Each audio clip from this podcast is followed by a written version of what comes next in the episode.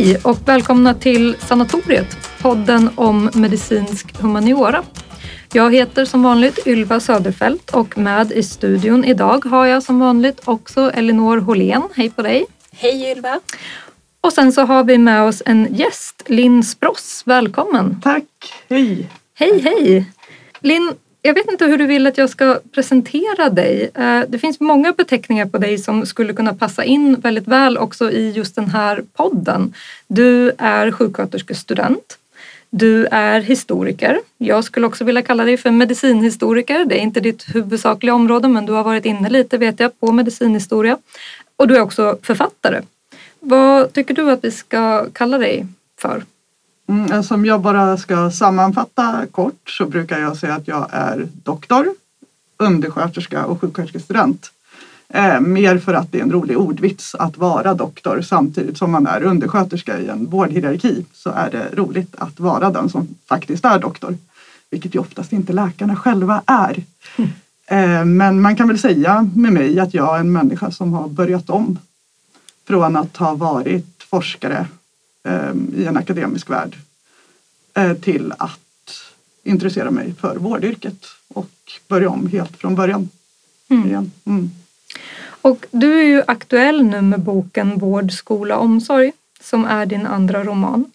Men det är inte din andra bok. Du har dessutom disputerat i ekonomisk historia med en avhandling om statliga utredningar om arbetstidsförkortning.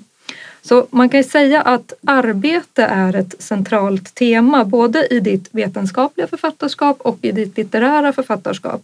För den här romanen Vård, skola, omsorg, den handlar ju just om arbete och om olika sorters arbete och då om det vetenskapliga akademiska arbetet å ena sidan och det omvårdande arbetet å andra sidan och de väldigt, väldigt olika världar som de här arbetena existerar inom. Och det kan ju låta väldigt tungt, men det är ju en underhållande roman, alltså där protagonisten Julia då lämnar den akademiska arbetsvärlden för att istället ta jobb inom hemtjänsten. Och för alla som har forskat, särskilt för oss som forskar inom humaniora säkert, så finns det en hög igenkänningsfaktor och mycket humor i den här boken. Men det är samtidigt också en idéroman, kan man säga det? Ja men absolut. Alltså jag har ju skrivit den för att jag är jätteintresserad av arbete som fenomen. Eh, mer specifikt om man ska spinna vidare på det här torra lönearbetets specifika form under den kapitalistiska epoken. Eh, och det ha, handlar väl om att jag är intresserad av vad människor gör med sin tid. Jag är intresserad av makt. Allt arbete innehåller en maktrelation, en maktdynamik. Det går inte att komma ifrån. Men också att det liksom är det här grundläggande materiella livsvillkoret att avyttra sin arbetskraft för att kunna överleva. Samtidigt som det är någonting som är så i grunden emotionellt och känslosamt. Och jag tycker att det är lite speciellt att inte i princip all konst behandlar det här fenomenet med arbete mer.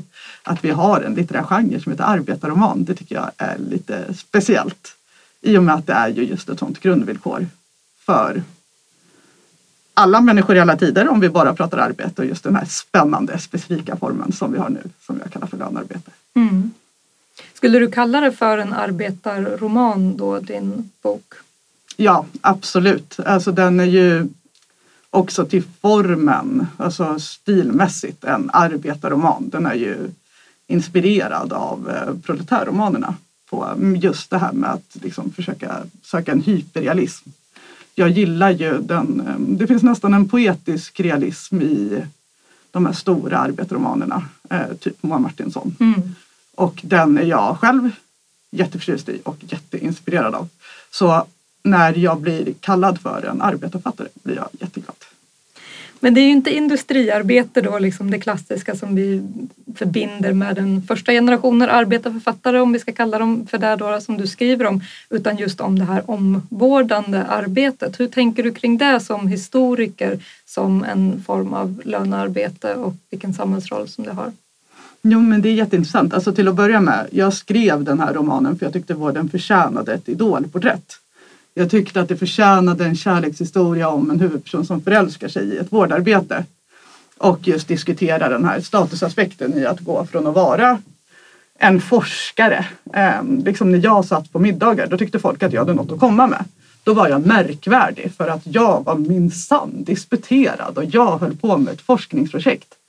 Och jag undervisade. Eh, på en middag om man säger att man är ett vårdbiträde. Det är ju där man börjar. I hemtjänsten. Det väcker inte lika mycket intresserade tillrop så att säga. Mm. Eh, och det jag tyckte var intressant just med att börja jobba i ett vårdyrke var hur komplext det var. Och då tänkte jag att alla skildringar man läser om hemtjänsten och vårdarbete, det handlar alltid om att det är sån misär. Att det är så fruktansvärt och att arbetets innehåll i sig är degenererande. Mm. Att det är liksom degenererande att vårda en annan person. Det är liksom så att torka bajs, gud vad hemskt, gud vilket hemskt arbetsinnehåll. Mm. Det arbetet kan inte vara värdigt. Och eh, det är inte alls min bild av det överhuvudtaget eller det jag kände när jag började jobba med det. Tvärtom så kände jag mig liksom eh, väldigt upplyft av att vara nyttig. Mm. Eh, jag har en lite naiv skildring då över hur min huvudperson går runt och känner sig som en liten hemtjänstängel tidigt en söndag morgon. Men så kunde det faktiskt kännas ibland att här går jag runt i ett bostadsområde som jag själv bor i och gör nytta för andra människor. Mm. Konkret nytta som är uppenbar och direkt. Och det är ju, om man har varit forskare, en lite, ja vad ska man säga, ovan känsla kanske. Eh, så eh, det var det jag ville skildra helt enkelt i den här romanen. Mm. Du plockar verkligen upp någonting som jag eh, fastnade för mycket i din roman. Just det här med omvårdnad, liksom hur du fångar det. Det är i slutet av boken där Julia får frågan om varför hon inte läser till läkare istället för sjuksköterska, för hon har ju betygen och hon har ju kapaciteten. Jag tänkte jag kanske kan läsa ett litet utdrag, för jag kan inte fånga det med egna ord. För att jag vill ägna mig åt omvårdnad. Eh, jag vill hålla på med det här komplexa, inte alltid mätbara, inte alltid kvantifierbara som sker när två människor möter varandra. Jag vill vara en del av den relation som tar form när den ena ger och den andra får vård. Jag vill vara den som öppnar fönstret, ger ett glas vatten, som baddar och plåstrar. För det är mer intressant. Jag vill kladda ner mig, tvätta rent, sätta min egen kropp i direkt och nära samband med andras. Jag vill uppfylla grundläggande behov hos den som inte längre mäktar med att göra detta själv. Egentligen skulle du få läsa det. Men eh, men det var jag kände när jag läste det här var att det är ju så fint liksom att eh, du skildrar den här, den, den här nära relationen till en annan människa som man kanske inte alls känner. Viljan att vara hennes förlängda arm också. Mm. Och liksom den stora utmaningen att i en mängd små handlingar möjliggöra hennes dag och göra den trevligare och bättre. Mm. Det är liksom, ja, jag tycker du har fångat det väldigt fint. Ja, men vad fint att du läste tycker jag. Det är ju så här, jag minns inte riktigt vad jag har skrivit så det är så speciellt att höra någon annan läsa det. Men jag tänkte på just det där stycket och på vad du sa innan Ylva om det historiska. Det är ju också superkomplext ur ett, eller svårt ur ett fackligt perspektiv. För å ena sidan då så eh, kan man liksom upphöja det här vårdyrket som något mm. ädelt något fint och som kräver känslomässigt engagemang och som um, ja, nästan är ett kall då. Mm. Och det har ju varit ett jätteproblem för sjuksköterskeyrket. Mm. Att det uppfattas som ett kall, ett kvinnligt kall då, absolut får man lov att säga. Och där liksom de tidiga sjuksköterskeföreningarna också upphöjde kallet. De menade ju att de inte till exempel ville ha en normal arbetsdag. För de gärna skulle bo på sjukhuset och liksom vara i tjänst nästan hela tiden. Att bli sjuksköterska och avsäga sig ett normalt liv. Mm. Mm. Och det, det är svårt när yrkesinnehållet är just det här om, för vad är omvårdnad? Eh, det finns jättemånga olika svar på det. Eh, och det är ett yrke som har genomgått jättemycket professionalisering de senaste decennierna. Eh, slutprodukten, vad jag kan se av det, det är ju jättemycket att omvårdnad ska bli det som läkaren är det medicinska, mm. sjuksköterskan är det omvårdande. Eh, vi har en slide i min utbildning som har återkommit åtminstone tre gånger där det står stort. Eh, läkaren ser bara diagnosen. Sjuksköterskan ser hela människan. Mm. Och det tycker jag är så himla... Så läkarna är ju inte upptagna med att definiera sig mot sjuksköterskor. Mm. Men sjuksköterskor är mer upptagna, eller sjuksköterskeutbildningen ska jag säga definitivt, är mer upptagna med att definiera sig mot läkarutbildningen. Mm. Och det tänker jag har att göra med att just man vill inte vara det medicinska för det ska läkaren hålla på med men man vill heller inte längre vara den här basala omvårdnaden. För det är vad undersköterskor gör. Eh, så man försöker liksom hitta någon typ av mellanting som blir, ska bli en vetenskap, omvårdnadsvetenskapen.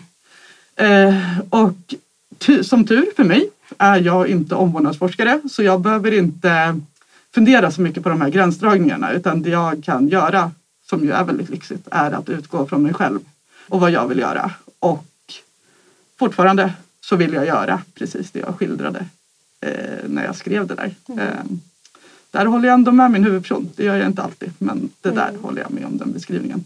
kommer fram väldigt starka dikotomier som kanske inte heller riktigt eh, alltid betecknar vad läkaren gör heller i de här sätten att försöka med språket utdefiniera vad läkarens roll är, sjuksköterskans och vårdbiträdets.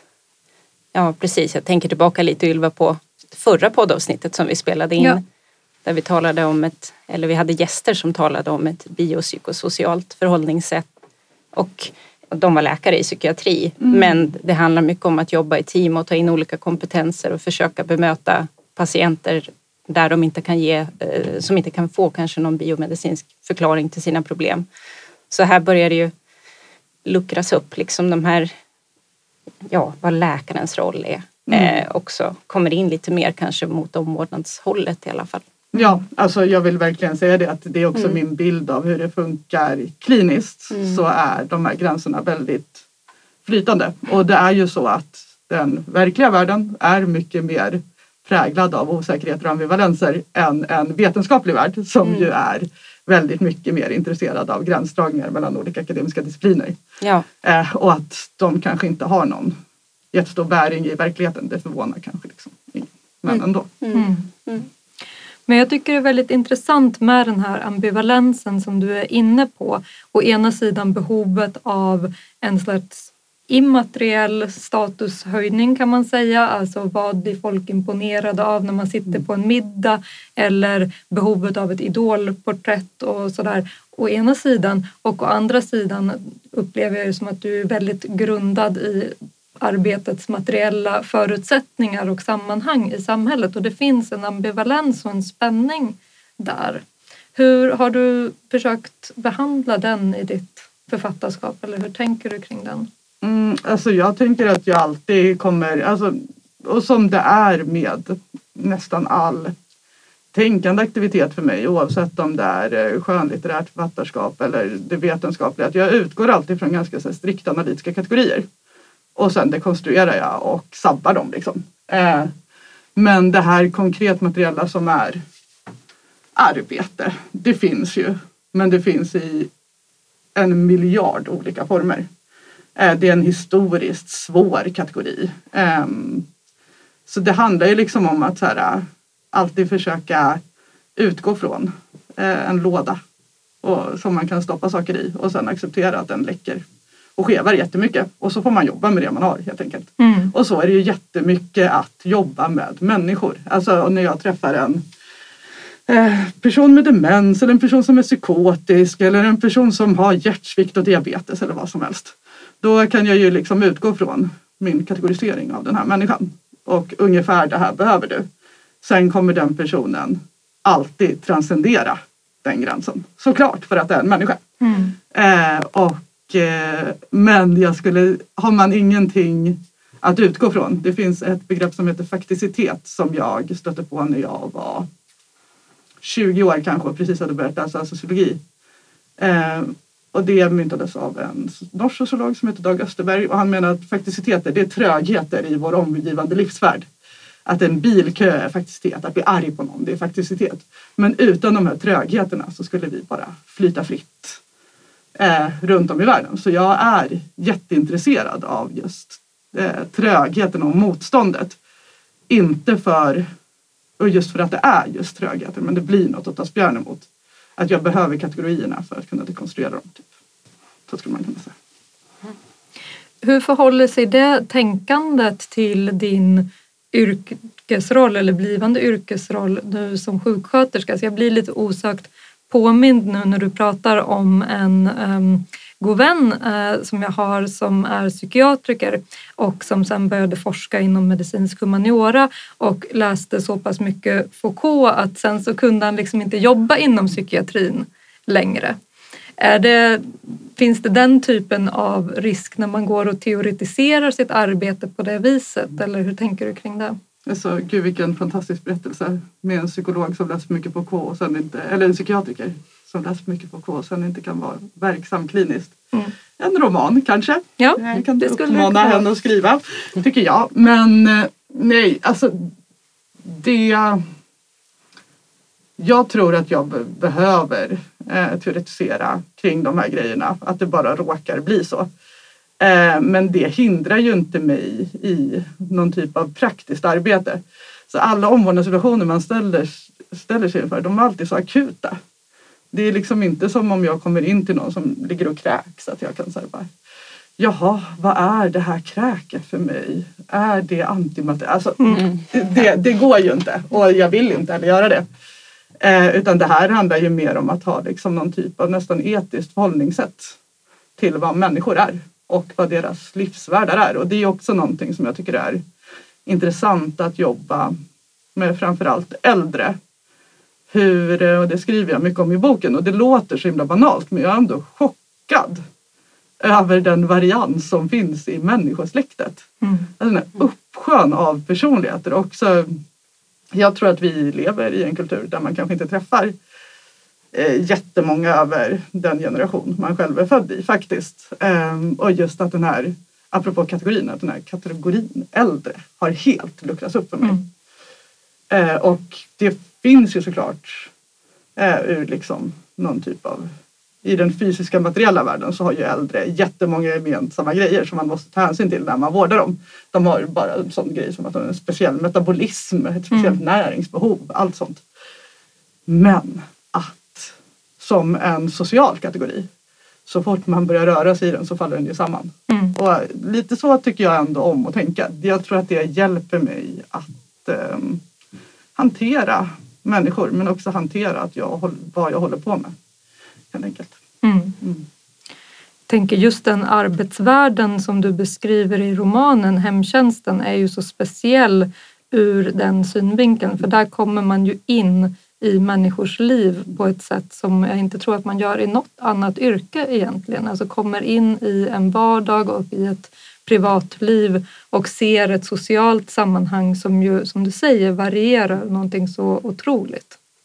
Ja men exakt och det tror jag också är apropå det där med att kanske analysera och överanalysera saker att veta på något sätt att ha tänkt mycket på vad ett hem är och vad ett hem betyder. Mm det gör ändå, och det kan vissa människor säkert ha intuitivt, absolut. Eh, för mig har det hjälpt att läsa en massa feministisk teori om hemmet.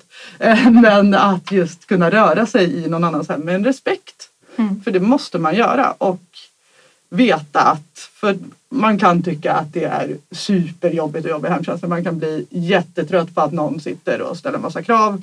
Jag har en eh, skildring av en överklassdam i min roman som liksom ser hemtjänsten som en betjänt. Mm. Men att man liksom får acceptera det, för nu är jag hemma hos dig. Det är dina regler som gäller. Så mm. fort jag kliver in här så ingår vi en överenskommelse där du faktiskt bestämmer, för det här är ditt livsrum. Eh, och det är precis som du säger, jag tror inte man gör det riktigt i något annat yrke för annars är hemmet så himla privat. Alltså det är ju en superprivat Sverige. Jag tänker jag också jobbat som städerska i mm. Folksam. Men där är det ju helt, man får absolut inte se spår av människorna som bor där. Mm. Sen gör man ju det jätte, jättemycket, folk skulle bara veta. Eh, men att där får man aldrig koppla ihop personerna med boendet. Mm. Men i hemtjänsten så blir det helt ofrånkomligt eh, att man gör det. Liksom. Mm.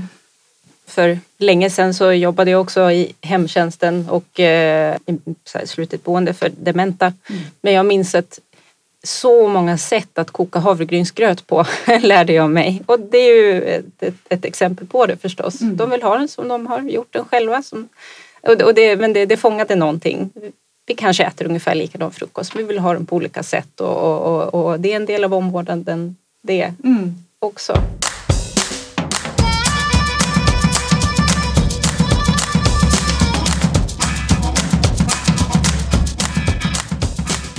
Arbete figurerar på två olika plan tänker jag i din roman. Dels det samhällsekonomiska och politiska som handlar om vilket arbete som värderas socialt och ekonomiskt och dels det personliga och individuella som handlar om vad olika typer av arbete gör med den som utför arbetet. Och det här har det ju sagts mycket om, båda delarna här har det sagts mycket om i samhällsdebatten, inte minst nu under coronapandemin så har ju mycket handlat om just det. Eh, hur tycker du att de diskussionerna har gått? Alltså jag tänker då på de här virala bilderna som har spridits av personer som jobbar i vården med deras ansikten märkta av visir och eh, ansiktsmasker som någon slags samvetspåminnelse då eh, om deras arbetsvillkor.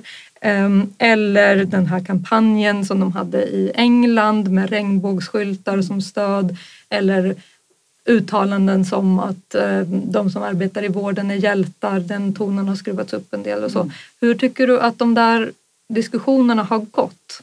Mm. Alltså jag är alltid jätterädd för att skrämma upp folk som har, eller eh, göra folk som har jobbat länge i vården upprörda över hur jag far fram i deras värld. Eh, så det här kanske är lite provocerande men alltså jag tycker ju att ett stort samhällsproblem vi arbete värderas är att det ska värderas utifrån en lidande barometer. Och då lägger man upp de här ansiktena där man har haft eh, andningsmaskerna. Man pratar om hur varmt det var, skyddskläder, man pratar om långa skift, man hinner inte gå på toaletten. Ja, det, det är skälet för en högre lön. Och det går ju tillbaka till en jättegammal arbetarskyddsdebatt. Alltså, och det ska man ju också veta att så här, arbetets rättigheter föds ur alltså när lönearbetet kommer och är helt oreglerat, så börjar man tidigt prata om att det finns en kortsiktighet i kapitalismen som inte kan garantera en långsiktig produktion av kapitalismen som system också. Mm. Så då behöver vi socialpolitik som kan mediera det här eh, på olika sätt. Och arbetarskyddet uppstår ju då för att arbetarna säger vi dör på våra arbetsplatser. Ni måste garantera våra rättigheter annars kommer vi inte kunna fortsätta arbeta. Och det inser ju inte kapitalismen som system eftersom det inte är en moralisk varelse. Men det är ju där eh, välfärdsstaten växer fram mm. som den här eh, mellan, mellanmediet eller vad man ska säga, mellan arbete och kapital. Som genom att ge arbetarna grundläggande skydd också tillgodoser kapitalets intressen. Eh, men problemet med det här det är ju att arbetsinnehållet i sig blir ointressant. Alltså mm. samhällsnödvändigt arbete eh, värderas inte utifrån hur nyttigt det är för samhället. Mm. Det är inte bruksvärdet i arbetet om man säger så. Utan det blir då lidande och det där kan ju alla dra. Alltså jag blir galen när jag hör eh, författare som är jätte, jätte, jätterika som säger att de jobbar arslet av sig. Mm. Ja, fast du gör inte det. Mm. Eh, eller folk som är vd som säger att ja, men jag tar så mycket ansvar, det är så jobbigt för mig. Mm. Ja, du tar, vågar jag gissa på, ändå i genomsnitt mindre ansvar än ett vanligt vårdbiträde i till exempel hemtjänsten. Men att man hela tiden då antingen ska peka på jag lider mm. eller jag tar ansvar och att mm. det ska vara eh, motivatorn till att få bättre arbetsvillkor. Och det tycker jag är speciellt. Jag tycker det är tråkigt om vi ska ha en sån diskussion om just vårdarbete att eh, de dåliga villkoren är ett skäl i sig att ge bättre villkor för vi ska inte ha dåliga arbetsvillkor som mm. ett sånt fackligt krav. Mm.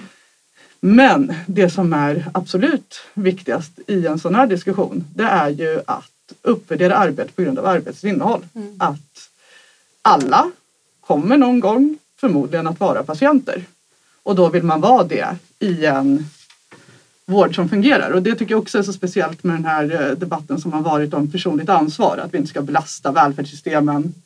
Eh, jag fick brev från min sons förskola att snälla håll era barn hemma, vi klarar inte det här. Om våra pedagoger ska få gå på julledighet så håll era barn hemma. Mm. Och jag tycker det är också speciellt för att välfärden är ju till för att belastas. Och så man ska, ja det är så fel på folk som söker akut för minsta lilla, alla 90-talister med ångest. Herregud, om de bara skärpte sig så kanske mm. sjuksköterskorna skulle kunna få en lugn stund och hinna med en kaffe. Och det där, att folks vårdbehov eller behov av omsorg ställs i konflikt med de som jobbar inom vård och omsorg. Det är ju ett missförstånd. Mm. Eh, men det, och vilka vinner på det? Ja, politiker, och kapitalägare som slipper investera i verksamheten. Eh, och det tycker jag har eh, utkristalliserats som ett typ av allmänt medvetande att folk är snabba på att skylla på varandra. Att välfärden är dålig. Att, jag menar självklart ska vi ha en välfärd som är överdimensionerad för folks behov. Vi ska ha akutmottagningar där folk som jobbar där ibland sitter och rullar tummarna. Mm. Där vi kan ha den lilla farbrorn som tror att den har fått en hjärtattack men egentligen bara har panikångest kommer in. Där 90-talisten som har jätteont i sitt knä och är jätteorolig för det kan komma. Alla ska komma. Sök vård, det är jättebra. Det är bättre att kolla upp någonting än att avstå. Eh, så eh, det tycker jag är eh, farligt om den konflikten som jag kan se den har liksom uppstått men om den ska fördjupas nu efteråt. Att vårdbehovet hos vanligt folk ska stå i konflikt med vårdarbetarnas intressen när det borde vara exakt tvärtom. Mm. Men ofta sägs det ju då att statusen borde höjas på vårdyrken. Det här har blivit nästan en formel som upprepats så mycket så att den har blivit väldigt abstrakt och det är svårt mm. att förstå vad betyder det här egentligen att statusen borde höjas. Jag tänkte vi skulle prata lite om att vad menar man egentligen när man säger så att statusen ska höjas och varför ska den höjas och hur skulle den då höjas? Ja, alltså det är ju så speciellt när man liksom lever i en värld som är präglad av ett visst värdesystem där man kanske samtidigt vill förgöra värdesystemet samtidigt som man måste klättra upp i det för att eh, överleva. Alltså jag tänker om jag kan nog svara bäst på det utifrån ett personligt plan. Att så här, självklart tycker jag att eh, lönarbetet ska avskaffas. Ja men det tycker jag faktiskt. Eh, och eh, i och med det så kommer ju den här statusskalan som arbete inordnas i idag försvinna. Men jag har ju ändå lidit av, får jag lov att säga, ett statusfall. Um, det blev ändå så speciellt för mig att just där, alltså dels materiellt katastrof att uh, byta bana på det sättet jag gjorde. Mm. Uh, och det märks ju snabbt att man har inte råd att köpa samma kläder, man har inte råd att liksom upprätthålla en fasad som man kanske tidigare varit omedveten om. Eh, man ser annorlunda ut. Mm. Eh, jag bor i en ganska skabbig lägenhet i ett studentområde. Alltså alla sådana där yttre markörer som ganska snabbt präglas av en mycket lägre inkomst. Eh, skulle jag vilja att jag inte brydde mig? Absolut. Bryr jag mig ändå? Ja. Och då så är man ju människa med ett hävdelsebehov och då så klagar man på att det är så hemskt hur saker värderas, alltifrån utseende Eh, till eh, vilket status det man sysslar med på dagarna har och så vidare. Eh, men jag önskar ju att jag och alla andra var människor som inte inordnade varandra i ett sådant värdesystem. Och istället för att liksom då, och det där är ju på något sätt hela liksom den fackliga rörelsens och arbetarklassens grundläggande konflikt. Att man vill höja upp arbetarklassen som klass. Men man vill samtidigt förgöra det system som skapar arbetarklassen. Och det där är en konflikt som inte går att lösa, helt enkelt. Vi kommer inte lösa den idag. Nej, tyvärr. Men jag tänker då på den här akademiseringen av omvårdnad som du var inne på. Alltså du kommer ju då från en eh, akademisk karriärbana och genom att du har valt att byta bana så har ju det också inneburit att du får gå tillbaka till universitetet fast på ett annat eh, vetenskapsområde och har konfronterats då med en annan typ av vetenskap och omvårdnaden som vetenskap och så vidare. Eh, och akademiseringen av omvårdnad tror jag i alla fall från de som är um, insiders inom det, alltså de som är verksamma inom omvårdnadsvetenskap, betraktas ju som en väg till status mm. för yrket. Hur ser du på det? Ja, alltså jag tycker det är jätteintressant och det har att göra med, ganska tidigt i min utbildning så konfronterades jag med ett begrepp som heter personcentrerad omvårdnad. Och det upplever jag som centralt i inte bara Uppsala universitets sjuksköterskeutbildning utan alla sjuksköterskeutbildningar. Och det handlar just om det där att vi sjuksköterskor, vi ska se hela människan. Vi ska sätta personen i centrum. Vården var tidigare präglat av ett biomedicinskt paradigm med läkaren som auktoritet där patienten var mer eller mindre förtryckt. Det finns präglat i den traditionella ronden där patienten ligger i sängen och så står en läkare och pratar över huvudet. Och det är i allra högsta grad en levande historieskrivning. Den hittar jag i mycket kurslitteratur och sådär. Eh, och då så menar man att det gör, det motiverar behovet av det personcentrerade synsättet. Och jag kom in i det här från att ha hållit på eh, med forskning som handlade om alternativmedicin. Ja. Och jag bara, oj, det här eh, förändrar ju allt eh, vad jag har tänkt för att det jag tidigare liksom hade kategoriserat medicin versus alternativmedicin utifrån att det som är etablerad medicin är sånt som har en bevisad effekt. Gärna i randomiserade kontrollerade studier. Mm. Och så säger personcentrerad omvårdnad att det här biomedicinska, det är fel. Mm. Omvårdnad, det ska vara något annat. Och då tänkte jag, eh, vad är det här för hippieflum? Om jag ska vara ärlig. Så var det, det min första tanke som slog mig när jag liksom möttes av den här tidiga eh, varianten. Och just det här som störde mig, det var det här med att vi är inga auktoriteter. Patienten vet lika mycket som du. Patienten är expert och jag kände ju direkt eh, också att jag har en masterutbildning i sociologi, apropå Foucault, att det här är Foucaults mardröm. Det här är nyliberalismen som kräver att vi har, för man pratar jättemycket om empowerment och delaktighet i omvårdnad.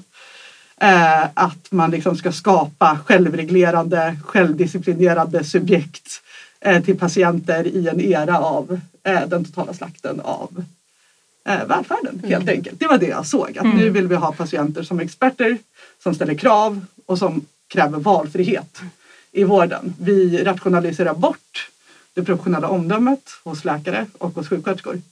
Och Alltså ibland i hur personcentrerad omvårdnad presenteras så är det möjligt tror jag att göra en sån tolkning. Men ju mer tiden går och ju mer eh, jag funderar på det här begreppet så handlar det ju om att vården, det finns en viss bäring för den historieskrivning av den här auktoritära vården. Alltså vården rent historiskt har gjort sig skyldig till vidriga övergrepp. Eh, och jag tycker att ju mer man håller på med medicinhistoria desto fler blir de. Jag läste igår om eh, gynekologins grundare Ansims Ja. och hans fruktansvärda vidriga övergrepp på svarta kvinnor eh, som också gjorde att han kunde göra sin vetenskap. Och att det här med personstyrd omvårdnad det handlar jättemycket om att faktiskt göra det här som är svårt. Framförallt du som har jobbat på demensboende. Mm. Kanske med folk som är dementa eller kognitivt nedsatta. Att se dem som personer. Eh, det är, eh, har man inte det så tror jag att det är lätt att falla in i vad man skulle kunna kalla för informella tvång. Att man säger ja men om du inte tar den här tabletten då får du den här sprutan.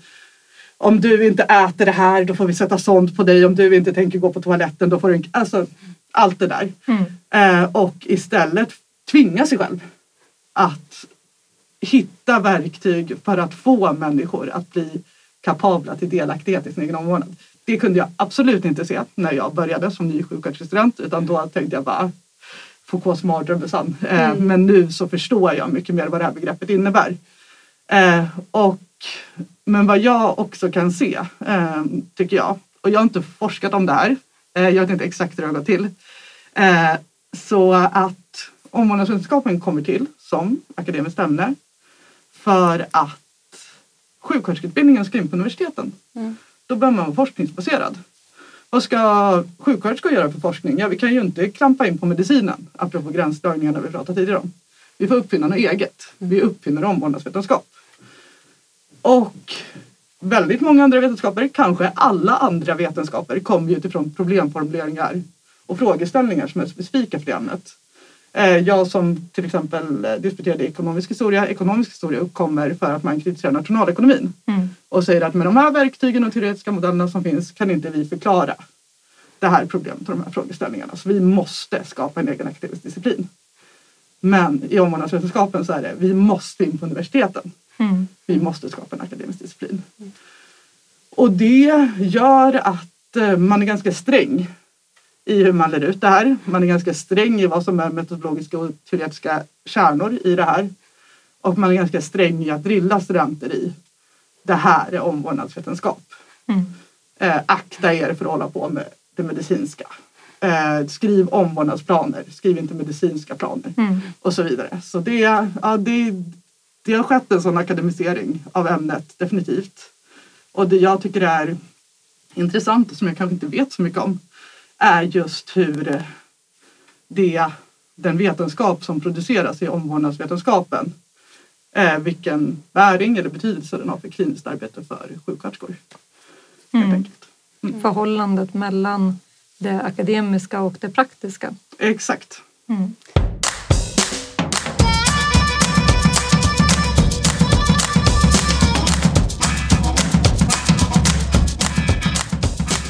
Ja, Linn, jag tänker på det där utdraget som vi har läst ur din bok. Och det väcker många tankar hos mig. Inte minst då hur det här står i bjärt kontrast till den skildring du gör av akademin. Eh, som du beskriver Julias situation så blir hon hårt kritiserad. Det finns inte mycket personliga kopplingar eller i sådana fall är de bara negativa till de personer hon har runt sig. Och du är ju inte Julia, men du har ju lite liknande bakgrund. Och jag undrar när jag läser boken, tror du att du någonsin hade kommit tagit den här vägen och gått in och blivit vårdbiträde och utbildade dig till sjuksköterska om det inte hade varit för de här jobbiga upplevelserna som du har haft i akademin, tror du att din bakgrund där vid akademin, det du saknade så mycket där, har fått dig att vilja söka något helt annat? Mm, alltså det är säkert en del av det, men samtidigt, min mamma är sjuksköterska. Eh, jag har alltid varit ganska intresserad av eh, sår till exempel. Jag tyckte alltid det var lite spännande när någon ramlade och det började rinna blod när jag var liten. Eh, hur makabert den kan låta men så jag tror inte det var på grund av att nu tar jag antitesen till det jag saknar inom akademin, mm. alltså inverterar det eh, och blir sjuksköterska istället. Det är ju mer en romankonstruktion eh, som jag har gjort, absolut. Mm. Men har arbetet inom vården fått dig att se på arbetet inom akademin på ett annat sätt? Nej, faktiskt inte. Utan allt det där, eh, den skildringen jag har i boken är också jättekompromisslös. Utifrån att det blev mer intressant än en nyanserad bild. Eh, det finns, alltså jag personligen har ju jättemånga positiva upplevelser som inte ryms och sen så har jag väldigt många mer negativa upplevelser som inte ryms eftersom folk skulle tycka det var för overkligt om jag skrev ner det. Eh, så, men den blicken jag haft på universitetet och arbetet inom akademin den har liksom alltid varit präglad av den här vaga chocken. Att, och jag vet fortfarande inte. Jag, akademin kommer alltid vara ett så olöst mysterium. Jag förstod aldrig riktigt hur man skulle göra. Hur man skulle vara. Eh, hur man skriver. Ehm, och jag fick höra väldigt mycket att det jag gjorde var fel men jag visste liksom aldrig hur man skulle göra rätt. Och jag lärde mig aldrig att förstå vetenskaplig kvalitet utifrån de osynliga kriterier som fanns uppsatta för vad det var. Eh, så det har jag ändå burit med mig från dag ett. Eh, och som sagt, jag har varit i olika sammanhang. Eh, jag har varit i, framförallt mot slutet, i betydligare fria, friare sammanhang än det jag fostrades in i från början. Mm. Men just det är ändå eh, rätt så självbiografiskt. Jag tror det är skildringen av första gången hon lägger fram text någonsin. Eh, jag kommer inte ihåg, jag skildrade det skönlitterärt, men för mig så var det i alla fall så att man la fram ett sånt där avhandlings-PM inför hela institutionen och så skulle alla läsa och kommentera och alla var liksom överens om att det här kommer inte vara något bra. Mm. Eh, det här, och att man ska vara ganska tuff på de här första seminarierna för de ska nya doktoranderna ska tuktas lite grann. Mm. Men jag hade skrivit om Althusser, en fransk poststrukturalist som jag upplevde som helt okontroversiell. Mm. Um, och jag kom från sociologin. Uh, jag skrev om ja, Althusers interpellationsteori. Uh, och tänkte att det här det blir bra. Lämnade mm. in det. Och folk blev tokiga. För att tydligen så fanns det en konflikt mellan en ekonomhistorisk auktoritet som heter I.P. Thompson och Althusser. Eh, och de bråkade jättemycket om hur man skriver historia, om strukturalism och så vidare. Det visste inte jag. Jag var 22 år. Jag hade inte hunnit läsa exakt allt som fanns på fältet. Men folk blev, alltså det var som att jag hade kränkt folk. Mm. Så hur kan du göra så här? Hur vågar du göra så här? Och just jag kommer ihåg att jag och min, eh, jag hade en bästa kompis som också hoppade av forskarutbildningen. Eller hon, ja, hon hoppade av forskarutbildningen men vi lämnade akademin ungefär samtidigt. Vi satt ute på en bänk på ekonomikum och rökte och bara vad är det som pågår här? Vad är det som händer?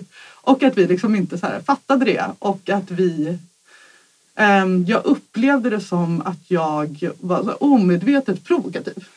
Mm. Att jag liksom förstod inte varför folk tog så illa upp av mitt sätt att vara.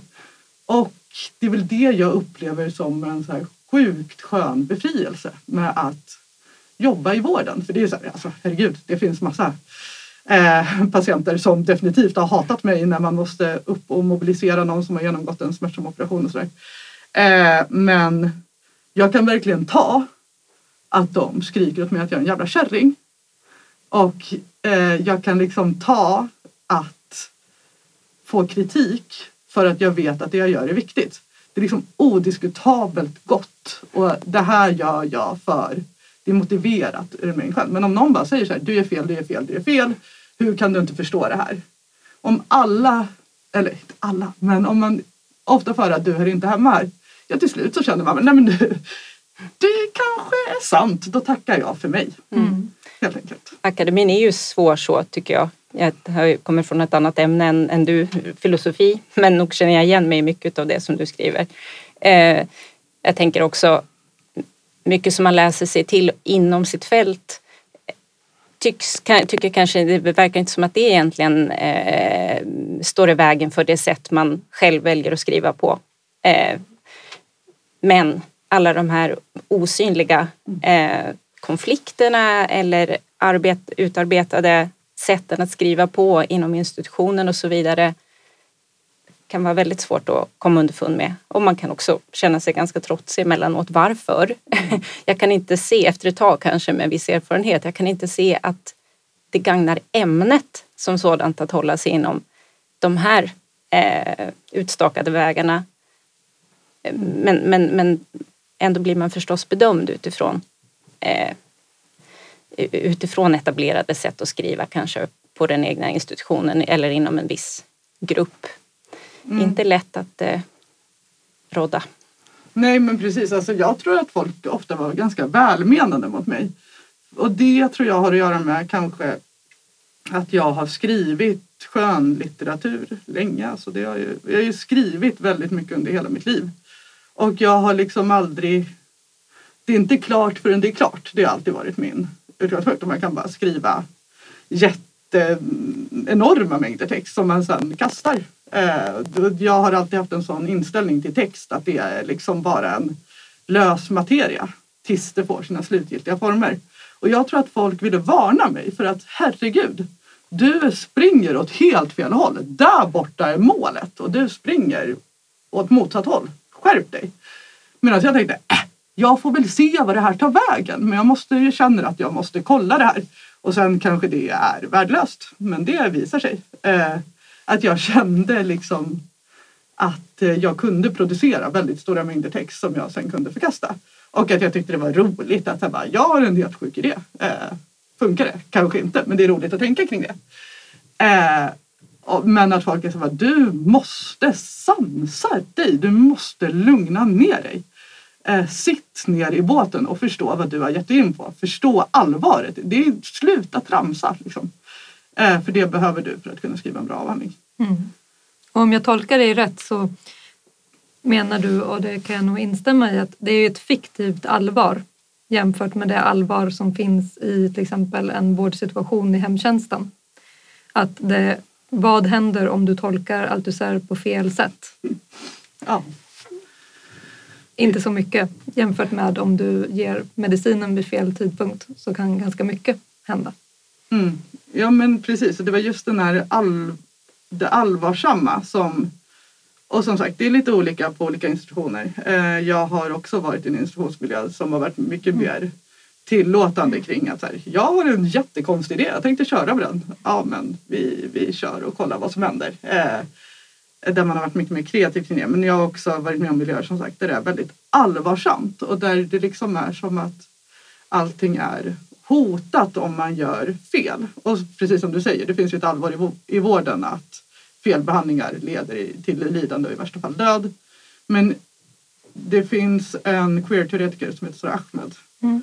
och hon skrev en gång och det har präglat mitt tänkande jättemycket att det som vi benämner som sårbart, det är också skyddsvärt. M- Utmålar vi någonting som är utsatt för hot, då säger vi också samtidigt att det är värt att bevara. Eller hur? Visst vill man säga instinktivt bevara Mm. någonting? Om vi läser i- imorgon att så här, den här speciella sippan som växer i stadsskogen är utsatt för hot, ja då vill vi ju bevara den med våra liv. Då vill vi ju gå dit och liksom bilda en mänsklig mur kring den här, även om man aldrig tidigare sett den. Men får vi veta att någonting är hotat så vill vi skydda det. Eh, och lite så fick jag uppfattningen av att det här allvaret grundade sig i att man hela tiden upplevde akademin och kanske framförallt av vissa ämnen som utsatta för hot. Mm. Eh, och då så kunde vissa, som till exempel jag, eh, kanske konstrueras in i en sån hotbild. Att Mm.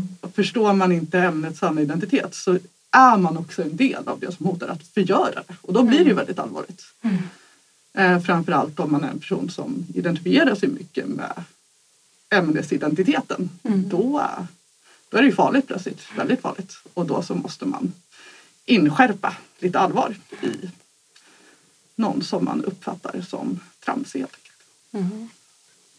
Övergången då, det som du kallar för ett statusfall eller för en förändring eller för att börja om um, och byta yrkesbana. Ehm, har, vilka reaktioner har du mött från de andra sjuksköterskestudenterna, dina chefer eh, som vårdbiträde eller dina kollegor och så vidare? Hur har den övergången varit? Nej, Alltså jag pratar ju inte så mycket om det. Eh, Och jag tycker det är lite pinsamt när det kommer upp.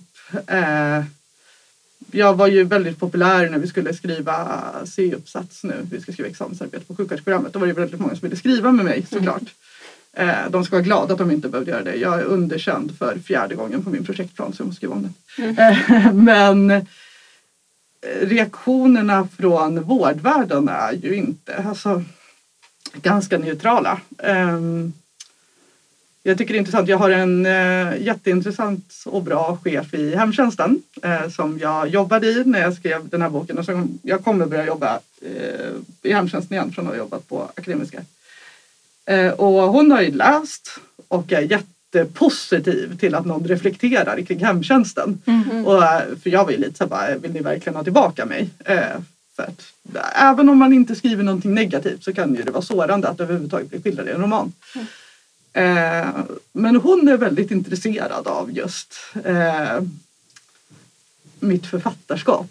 Så får man lov att säga. Men annars, alltså, det är ingen som bryr sig. Det är inget, det är inget intressant. Det är ingen som liksom så här bara, åh, vad handlade din avhandling om? Det är så här, i så fall artighet. Men annars är det bara, jaha, okej. Eh, jag gillar att ibland prata om Alltså det är jättehemskt. Jag vet inte. Jag är ju för frispråkig. Ni får väl säga till om jag tramsat mycket. Men eh, att prata med sjuksköterskor om. Vet ni vad en professor tjänar? Oh my god, det är så sjukt. Vet ni hur tomt det var på den här institutionen så fort det blev lov? Tror ni någon var kvar till fem? Alltså just det där med att äh, snacka skit om akademin för vårdpersonal. Det är ju ändå ett sätt att bli populär. Det får man lov att säga. Men annars är intresset svalt. Så. Men nu har du skrivit den här boken och jag kan ju säga att personligen som en person som är inblandad i eh, utbildningsutveckling på olika vård och eh, medicinska utbildningar så jublar man ju verkligen så fort det kommer liksom något nytt, fräscht, skönlitterärt som handlar om vårdens vardag på något sätt. Vi letar ju alltid efter sådana resurser.